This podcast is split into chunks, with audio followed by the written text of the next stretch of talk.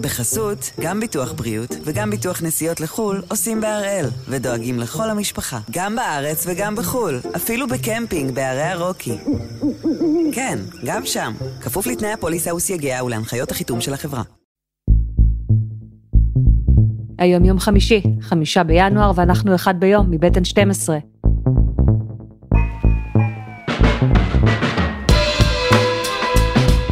אני יונה לייבזון ואנחנו כאן כדי להבין טוב יותר מה קורה סביבנו.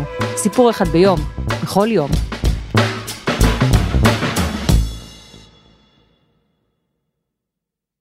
בשנים האחרונות חזר לחיינו מושג שאנחנו מכירים מתקופה אחרת, המלחמה הקרה. הפעם רבים מתארים ככה את מערכת היחסים בין ארצות הברית וסין, שנמצאות בתחרות ויריבות מתמדת, סביב הכלכלה, בריתות אסטרטגיות וכמובן טכנולוגיה, כשעכשיו על הפרק החלל.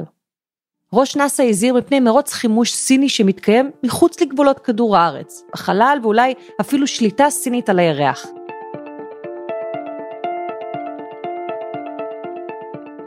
אז היום אנחנו עם דוקטור אורי סלע מהחוג ללימודי מזרח אסיה באוניברסיטת תל אביב וחוקר בכיר אורח ב-INSS על התחרות והיכולות הסיניות, ממה בדיוק מזהירים האמריקאים, ואיך דווקא ארצות הברית היא זו שהזניקה את תוכנית החלל הסינית.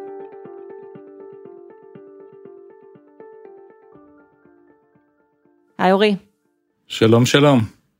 בוא נתחיל מהאזהרה האמריקנית. מה בדיוק אומר ביל נלסון ראש נאס"א? מה שראש נאס"א בעצם מזהיר ממנו זה בפני אה, פריצה שכבר מתרחשת של סין אל החלל במובנו הרחב, שהמשמעות שלה היא דחיקה מסוימת של ארצות הברית מהמרחב החללי הזה. So in a new interview, the uh, NASA administrator Bill Nelson says China could claim the moon as its own territory and ban US astronauts from touching down. He and others within אחת התהיות שעולות באזהרות שלו וגם מעבר, זה האם סין תתחיל בעצם לכוון לריבונות שלה על מרחבים מסוימים בחלל, קודם כל בירח, אבל אולי אה, עוד מקומות. ויש ממה לחשוש? הסינים מתכוונים להשתלט על החלל או לקחת בעלות על הירח? סין לחלוטין, כמו שאמרתי, מתנערת מזה. זאת אומרת, סין לא באה וטוענת שהמסעות שלה לחלל הם חלק מניסיון לקחת ריבונות או חלקים או לתבוע ריבונות בירח או במקומות אחרים, למשל מאדים שכולם מכוונים אליהם. סין מתנערת מהנושא הזה לחלוטין, היא טוענת שהמסעות שלה לחלל או החיפוש שלה בחלל הוא חיפוש מדעי, מחקר מדעי, ולחלוטין לא בכיוונים שארצות הברית אה, מדברת עליהם. אנחנו לא ממש מכירים את סין כמעצמת חלל כמו ארצות הברית או ברית המועצות ובהמשך רוסיה, אבל היום היא מגיעה למעמד הזה בזכות בן אדם אחד. אז צ'יאן שואסן בעצם אה, התכוון בסוף שנות ה-20, תחילת שנות ה-30, כאשר סין קרועה מבפנים במגוון של אה, דרכים, גם פנימיות וגם חיצוניות, אה, צ'יאן שואסן בעצם התכוון להיות מהנדס רכבות. זו נראתה לו אז קדמת הטכנולוגיה ובזה הוא רצה לעסוק. אלא שכאשר הוא היה בשנגחאי ב-1932, הוא חווה כמעט על בשרו הפצצה של מטוסים יפנים. וכשהוא חווה את זה, מבחינתו זה היה Game Changer. הוא הבין שבעצם העתיד הוא לא ברכבות, למרות שהן מאוד חשובות כמובן, אלא בתעופה.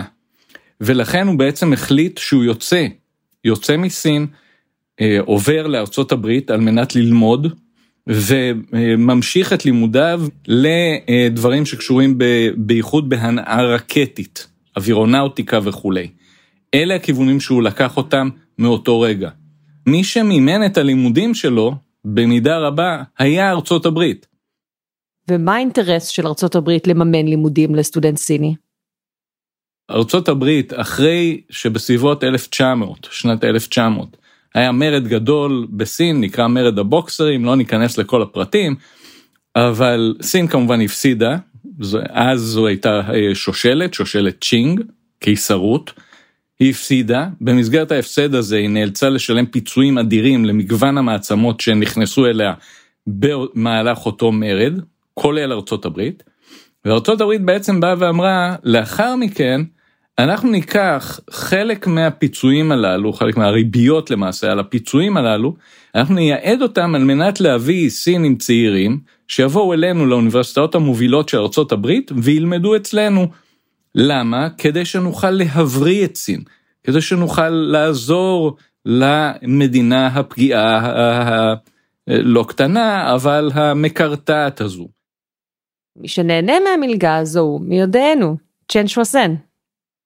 צ'ן שואסן, 1932, קצת לאחר מכן, על מלגה שכזו יוצא לארצות הברית, מתחיל ללמוד MA, דוקטורט, מתקדם, לאורך שנות ה-30 מגיע למקומות הנחשבים ביותר, למשל קלטק, וגם הופך להיות דמות בכירה בכל תוכניות הטילים, ההנאה הרקטית של ארצות הברית בתקופה הזו, וזה ממשיך גם אל מלחמת העולם השנייה. אחרי מלחמת הש... העולם השנייה, למעשה צ'נשו אסן הוא גם נחשב למדען מוביל בארצות הברית. אלא מה? סוף שנות ה-40, תחילת שנות ה-50, ארצות הברית מבינה שסין הופכת להיות סין העממית, המפלגה הקומוניסטית מצליחה לנצח את המפלגה הלאומנית, הגומינדאנג, שנמלטת לטיוואן, המפלגה הקומוניסטית מנצחת, סין העממית מוקמת, ואז מבחינתה של ארצות הברית, שבה מתחיל באותה עת המקארתיזם והפחד מהקומוניזם העולמי, פתאום אותה סין הופכת להיות בין אויב לבין איום. If he openly declares himself to be a communist, we take his word for it. But there are other communists who don't show their real faces, who work more silently. ואותו צ'ן שואסן הופך להיות נאשם בריגול עבור הסינים. זאת אומרת שתוך כמה שנים הוא הופך, לפחות בעיני האמריקנים, ממדען בכיר לאויב. מה קורה לו? הוא מוחזק במשך כמה שנים, בהתחלה במעצר, אחר כך במעצר בית, לא עוזרים תחנונים או מכתבי תמיכה ועצומות שמארגנים הקולגות שלו, ו... וזה מצבו. 1955, שנתיים לאחר סיום מלחמת אה, קוריאה, יש עסקת שבויים. בעסקה הזו, סין מבקשת לקבל לידיה את צ'ן שואסן. הוא גם כבר מעוניין בזה בשלב הזה, הוא רוצה לצאת מהמעצר בית שלו. ארה"ב מסכימה, וכך סין מקבלת לידיה זהב. ואנחנו יודעים, או יש הערכה אם הוא באמת היה מרגל, או שזה מישהו שהיה רחוק מזה ונדחק לזרועות הממשל הסיני על ידי האמריקאים עצמם.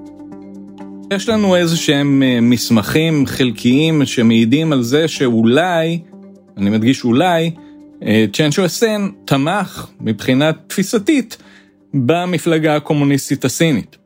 בין זה לבין ריגול יש מרחק גדול.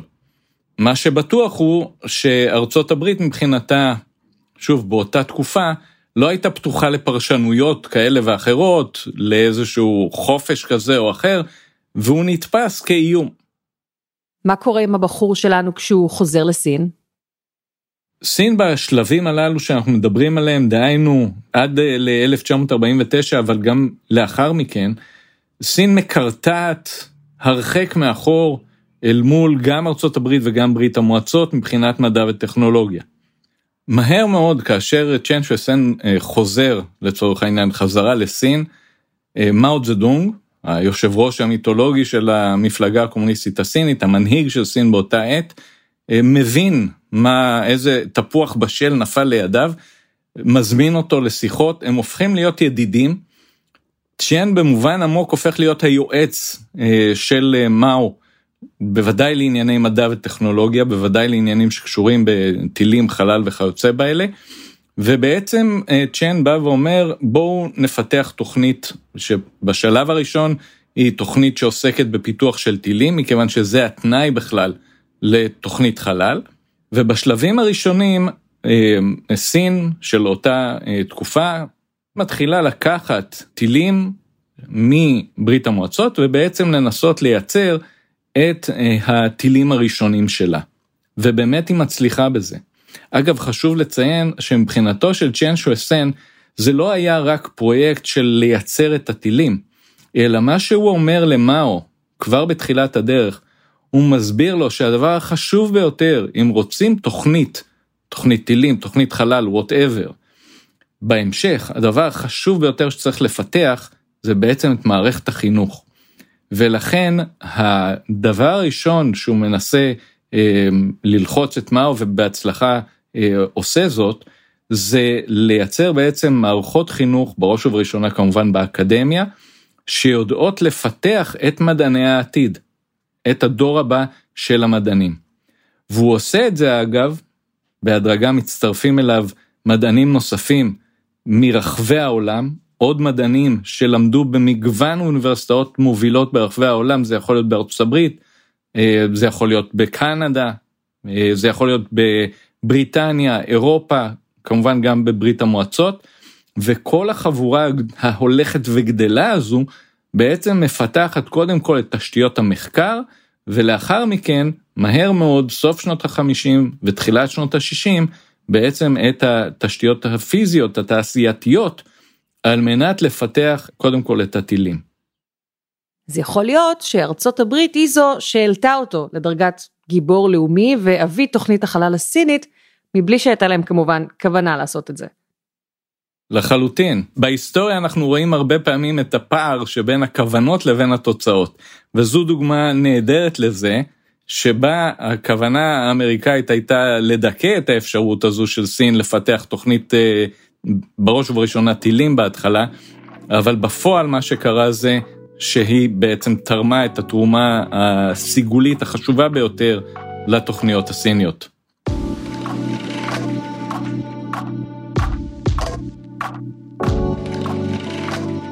אז איך הופכת תוכנית הטילים הסינית של צ'ן שווסן למיזם חלל שארצות הברית מזהירה מפניו?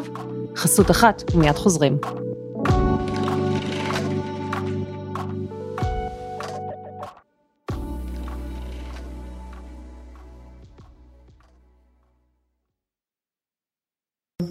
בחסות, גם ביטוח בריאות וגם ביטוח נסיעות לחו"ל עושים בהראל, ודואגים לכל המשפחה, גם בארץ וגם בחו"ל, אפילו בקמפינג בערי הרוקי. כן, גם שם, כפוף לתנאי הפוליסה וסייגיה ולהנחיות החיתום של החברה. אנחנו מדברים על תחילת תוכנית החלל הסינית. דוקטור אורי סלע, מה המטרה שלהם בשלב הזה? למה הסינים בכלל רוצים להגיע לחלל? התפיסה הבסיסית של ההנהגה של המפלגה הקומוניסטית דאז וגם של צ'ן שואסן היא קודם כל מגיעה מתוך ההבנה שמדינה חזקה מודרנית חייבת שיהיה לה פוטנציאל הטילאי זאת אומרת שיהיו להם טילים למטרות שיכולות להיות להגנה עצמית קודם כל אבל גם להתקפה ו, וזה דבר קריטי. התובנה הזו הולכת יד ביד עם ההתפתחויות של אמצע שנות ה-40 דהיינו פצצות הגרעין, כלומר ההבנה שהטילים הללו הם לא מפותחים רק כטילים בליסטיים קונבנציונליים, אלא שבהמשך אה, יצטרכו לנסות גם להתאים להם את האלמנט של הגרעין.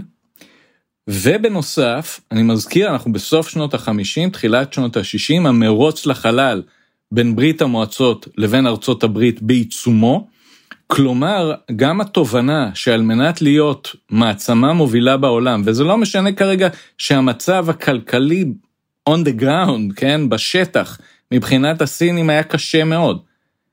אבל החזון שאנחנו מכוונים להיות מעצמה, בעצם בראייה סינית אפשר לומר אפילו חייב אותם להתפתח גם לכיוונים הללו של הטילים, של הגרעין ושל החלל. ומתי אנחנו רואים את הקפיצה? מתי סין מתחילה להיות מתחרה רצינית של מעצמות העולם בתחום החלל? קפיצת הדרך קודם כל תלויה ברצון של ההנהגה, וההנהגה מתחלפת. כלומר, מאו הולך לעולמו 1976, בהדרגה עולה לשלטון כדמות המרכזית דנג שיאופינג, דנג שיאופינג הוא זה שפותח במדיניות הדלת הפתוחה, הרפורמות, כל השינויים הללו שאנחנו מכירים מסין מסוף שנות ה-70 והלאה. ודנג שאופינג בין היתר הוא גם זה שבעצם מנרמל סופית את מערכת היחסים בין סין לבין ארצות הברית. Good morning. Well, history is about to be made on the south lawn of the White House where President Carter will officially greet Chinese Vice Premier Deng Xiaoping, the first Chinese communist official to... דנג יוצא לביקור בארצות הברית, נפגש עם ג'ימי קרטר, מיודענו. Vice Premier Dong, you, your wife, your party are welcome to our great country. Thank you for honoring us with your visit. וגם עורך כמה ביקורים באותם המקומות שנתפסים כנראה בעיני ההנהגה הסינית כמקומות שהם חשובים במיוחד לאופנים שבהם סין יכולה להתפתח הלאה. אחד המקומות הללו, לצד מקום כמו בואינג או מפעל של קוקה קולה, זה במרכז של נאסא. מה שמדגים שבשלב הזה, 1979 והלאה, ההנהגה הסינית מתחילה להבין שנושא החלל, יש בו מרכזיות שחורגת מגדר ה... נקרא לזה הרווח המיידי, הרווח של טווח הזמן המיידי. במקביל, בשנות ה-80, בשנות ה-90, משום מדיניות הדלת הפתוחה הזו של דנג שיאופינג, הרבה מאוד מדענים סינים בראשית דרכם יכולים לצאת אל העולם וללמוד. ורבים מהם מגיעים לארצות הברית, הם יכולים ללמוד בדיוק את התחומים שמעניינים את סין, בהקשר שלנו התחומים שקשורים לנושא החלל, ושוב ארצות הברית מעניקה לסין את ההזדמנות שלה להגיע ולעלות. וזה מביא לכך שבסוף שנות התשעים, סין בעצם יכולה כבר לשגר חללית בלתי מאוישת אל החלל, סוף שנות התשעים. כמה שנים לאחר מכן, 2003, סין משגרת פעם ראשונה חללית מאוישת אל החלל.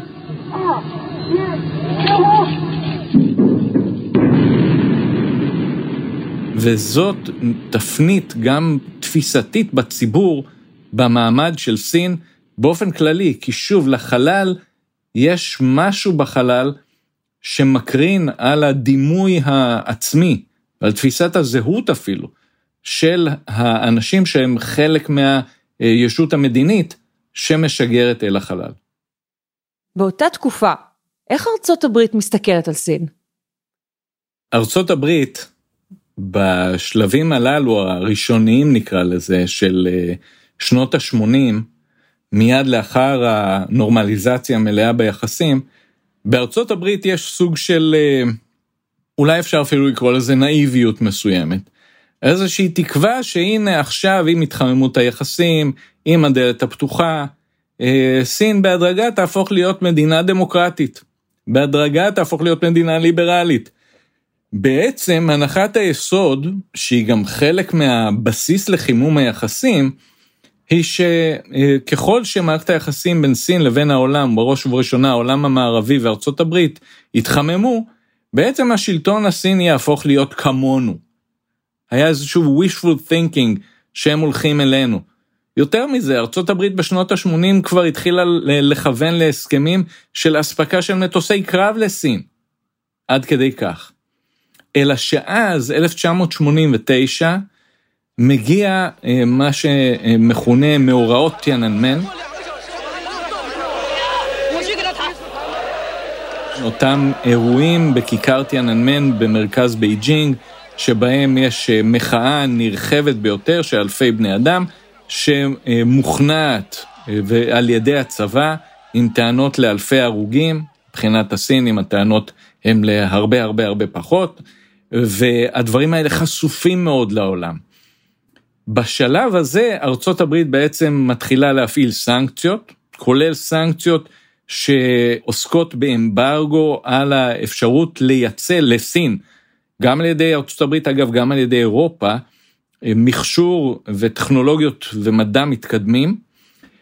הדברים האלה הם עדיין בתוקף בחלקם, אבל הנקודה היא שבעצם ארצות הברית לכאורה מתפכחת. למה אני אומר לכאורה? מכיוון שהדבר הזה מחזיק בעצם פחות או יותר שנתיים. מהר מאוד, תחילת שנות ה-90, אני מזכיר, יש אירוע מאוד גדול, דווקא בחצר האחורית, קצת רחוק, אבל קרובה אלינו, מלחמת המפרץ. במלחמת המפרץ, ארה"ב צריכה את סין, למה ארצות הברית צריכה את סין? מה היא צריכה את סין? מה הקשר? התשובה היא פשוטה.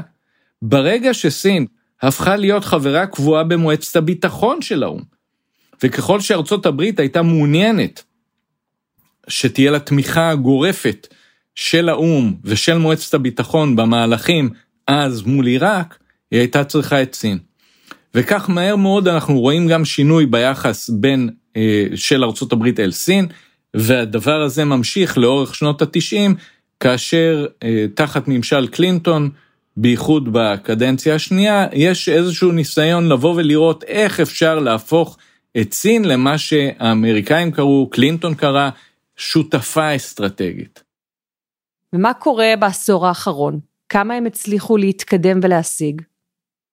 יש לנו בנייה שהושלמה ממש ממש לאחרונה של תחנת החלל הסינית. אנחנו מכירים את תחנת החלל הבינלאומית. פה אנחנו מדברים על תחנת חלל סינית למהדרין.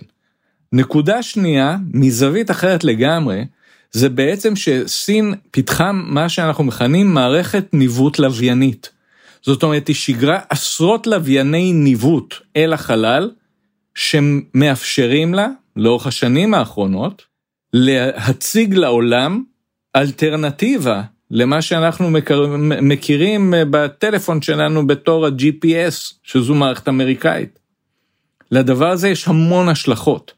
המערכת הסינית הזו בעצם מספקת לכל מי שמעוניין להתחבר אליה, משותפותיה של סין, שהן רבות כמובן, מספקת אלטרנטיבה לאמריקאים, גם לרוסים אגב, גם לאירופאים, בכל מה שקשור לניווט לווייני, וזה יכול להיות רלוונטי הן לעת שלום ושימושים אזרחיים, כמובן גם לשימושים צבאיים. אז זה מימד אה, שני של העניין. המימד השלישי של תוכנית החלל שהתפתח בצורה מטאורית בעשור האחרון, זה התוכנית שקשורה לירח. התוכנית של סין בנוגע לירח אה, התחילה בשליחה של לוויינים שיקיפו את הירח, שימפו את הירח, ובהמשך כמובן גם בשליחה של אה, חלליות או כלי רכב בלתי מאוישים שנחתו על הירח והתחילו בעצם ממש לעבוד על הירח בהבנה של, אה, ובהכנה אולי, של מקומות נחיתה עתידיים אה, לטייקונאוטים ממש סינים. ופה אנחנו חוזרים למה שאמר מנכ"ל נאסא, שהזהיר מפני שאיפות של ריבונות על החלל. זה חלק מהסיפור. כלומר, אם סין תשלח באמת את הטייקונאוטים שלה אל הירח, האם היא תתבע ריבונות על חלקים מסוימים של הירח? זו שאלה מאוד גדולה. הוא דיבר גם על משמעויות צבאיות. כאן יש שני ממדים. האחד הוא שיגור כלי נשק אל החלל. פה בראש ובראשונה אנחנו מדברים למשל על טילים שיודעים ליירט לוויינים. סין כבר עשתה את זה, והנקודה הזו גורמת להרבה מאוד חשש, זה לא, זה לא דבר שבשגרה ולא דבר נהוג, גם בקרב מעצמות שיש להן את היכולת. אבל זה שיש לסין את היכולת זה דבר שמטריד אה, לא מעט אה, אנשים, ודאי את האמריקאים. אז זה מכדור הארץ אל החלל. האלמנט השני הוא השאלה שנותרת כשאלה ושהסינים כאמור מתכחשים לה, של בעצם הפיכת החלל לזירה שיש בה כלי נשק באופן אינהרנטי.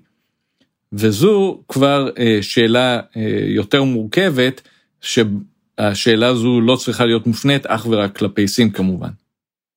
מה מבחינתך המשמעות? אני חושב שזה חלק מההבנה של העוצמה של סין מצד אחד, ושל האופנים שבהם היא התפתחה.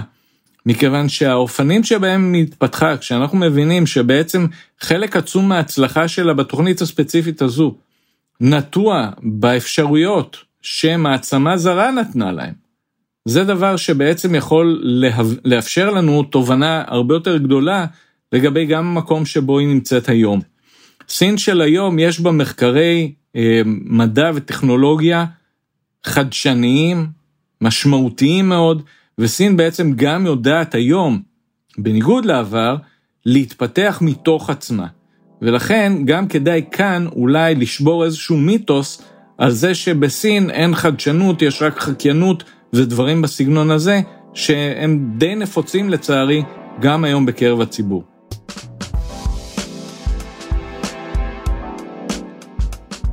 דוקטור אורי סלע, תודה רבה. תודה רבה.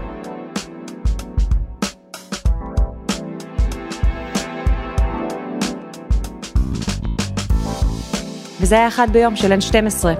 העורך שלנו הוא רום אטיק, תחקיר והפקה רוני ארניב, עדי חצרוני ודני נודלמן. על הסאונד יאיר בשן שגם יצר את מוסיקת הפתיחה שלנו. אני יונה לייבזון, בשבוע הבא יהיה כאן אלעד שמחיוף.